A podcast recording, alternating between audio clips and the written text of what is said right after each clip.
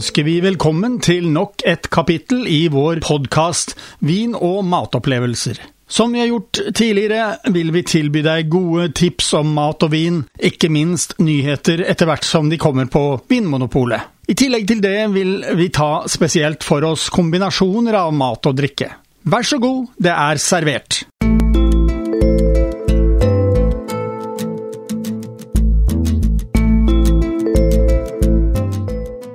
Ja, I dag har Jan Egil og jeg eh, blitt invitert til en eh, vinsmaking med en masse produsenter representert. Og det er vin fra, ja, for å si det på en enkel måte, hele verden.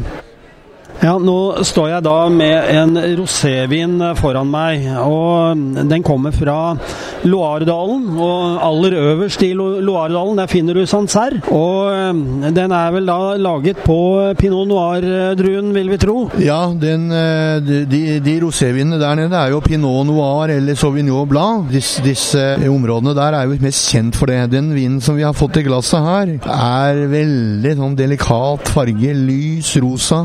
Eh, fin på duft.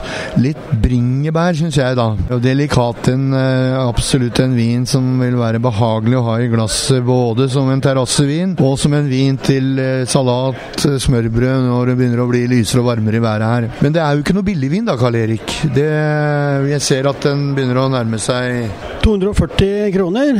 Så dette er en Sancerre Rosé eh, Le Grand Moulin fra 2019. Så det er en ung eh, vin men eh, koster da en ja, hva skal vi si, Sancerre-pris. Det er en Sancerre-pris. 240, sier du. Så, men det er jo en flott produksjon, dette her. Det er jo en, et ordentlig håndverk. Og den er jo så delikat, både i farge og aroma og smak, at jeg syns den er veldig anvendelig da, som en sommervin. Men det er klart man må legge litt penger på bordet for å få denne, da. Så man har jo mange andre alternativer som er billigere.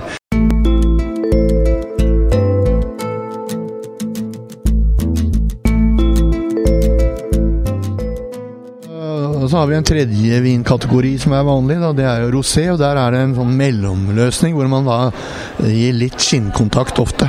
Eller skallkontakt. Ja, altså Rosé, det, det, lurte jeg litt på. Fordi noen har fortalt meg at i Italia så tok de hvitvin og rødvin og blandet sammen. Og det er nok riktig. Noen gjorde det. Men det... De, de, var faktisk pålagt av myndighetene for å gjøre det. Ja, og det har vært en vanlig måte å gjøre det på der, men den vanligste måten nå i dag er å gi noe skinnkontakt. Skallkontakt. Slik at man trekker ut noe. Sånn at det ble en sånn mellomløsning mellom ren uh, druesaft og rødvinsproduksjon. Men uh, det er riktig som du sier, den kan produseres på flere måter. Men jeg tror liksom det mest gangbare og som har høyest anseelse i dag, er å la skallet være med litt under produksjonen. Vi har vært inne på måten de produserer disse vinene på tidligere i programmet. Og her ser vi de har vært veldig snille på skinnkontakten. da. Den er veldig lys.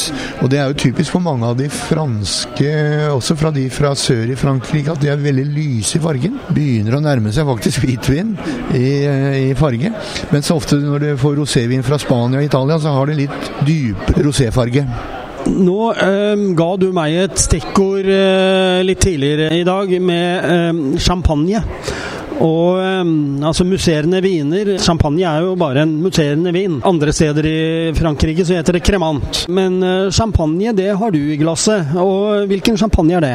Ja, det er fra en produsent som heter André Jacquard. Og den uh, vinen som jeg har her, den fins bare på bestillingslista på Vinmonopolet, da. Den er interessant. Det er en flott, uh, flott champagne. Prisen er litt uh, høy, da, som vanligvis er. 390 kroner må du ut med for denne her. Den er jo produsert da på en rødvinsdrue som heter Pinot Noir, og som er vanlig nord i eh, vinverdenen. Det, den er vel kjent fra det området i Champagne, men eh, også i Chablis, hvor de produserer fantastiske røde viner på den. Men I Champagne så produseres det champagne, hvite viner, av denne rød, rødvinsdruen. De har vel tre druer de eh, ofte bruker, og det er chardonnay, det er pinot noir, og så er det en liten drue som heter meunier. Ja, meunier det er en sånn tilsetningsarbeidsdrue som var inne på her i en annen sammenheng. Mens eh, chardonnay og pinot noir er hoveddruen i champagne. Og champagne har jo en stor prestisje i vinverdenen, da. Det er jo et avgrensa område som, hvor, hvor de da kan ta ut høyere pris fordi merket merke har så stor prestisje i markedet. Jeg vil jo si at en del av de kremantene som kommer fra Burgund og fra Alsace og andre områder i Frankrike, vi har vært inne på Jura, også har en høy kvalitet til en pris som kanskje ligger på halvparten av champagne ofte. Så det går an å tenke litt utover champagne. Men eh, hvis vi holder oss nå til champagne, da, hva, om, hvordan eh, lå denne champagnen i munnen? Det er fantastisk, syns jeg. Det er flotte viner. Og øh, den har mye tyngde. Den har mye kraft. Den sitter lenge i munnen, denne her. Og den har eh, litt dette, jeg vil si, gule eplepreget på aroma smak. Så det, er det ofte også når du snuser på glasset for første gang, så kjenner du litt denne gjærbakst gjærbakstaromaen som er vanlig. Og det kommer jo nettopp av at det er en annengangsgjæring som har skjedd her. Så det er noe som går igjen? Ja, det går igjen på champagne. Det er litt sånn interessant òg, det er jo øh, når det gjelder disse musserende vinene fra Frankrike, og også for så vidt fra andre, andre, land, det er at flaskene er jo bulet ut. Det er jo sånn typiske champagneflasker. Og faktisk så holder trykk inne på disse flaskene eh, samme, samme, Det er samme trykket som i bildekk, omtrent. 5,5 atmosfære det ligger det på. Vi har jo vært i Alsace og fått vært med på en måling av det, og da fant vi ut at det var omtrent samme trykket som på bildekkene i bilen vi kjørte. Så det er litt eh, spennende. Så man sier jo det at man skal aldri bruke om igjen en flaske med en tomflaske etter å ha hatt champagne.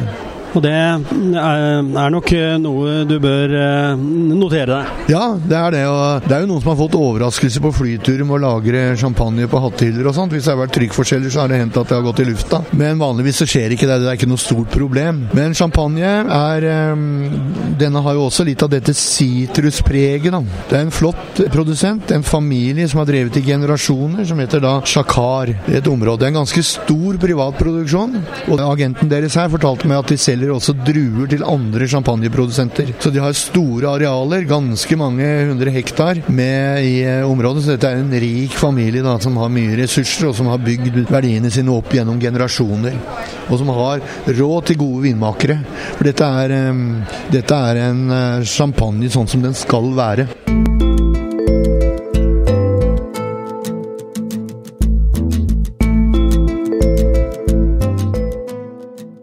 Du fått dagens podkast fra Radio Riks Oslo om mat og vin. Hvis du ønsker å abonnere på den, slik at du får den automatisk når nye blir lagt ut, kan du gjøre det. Lykke til! Kommende mandag får du neste kapittel. Vi høres!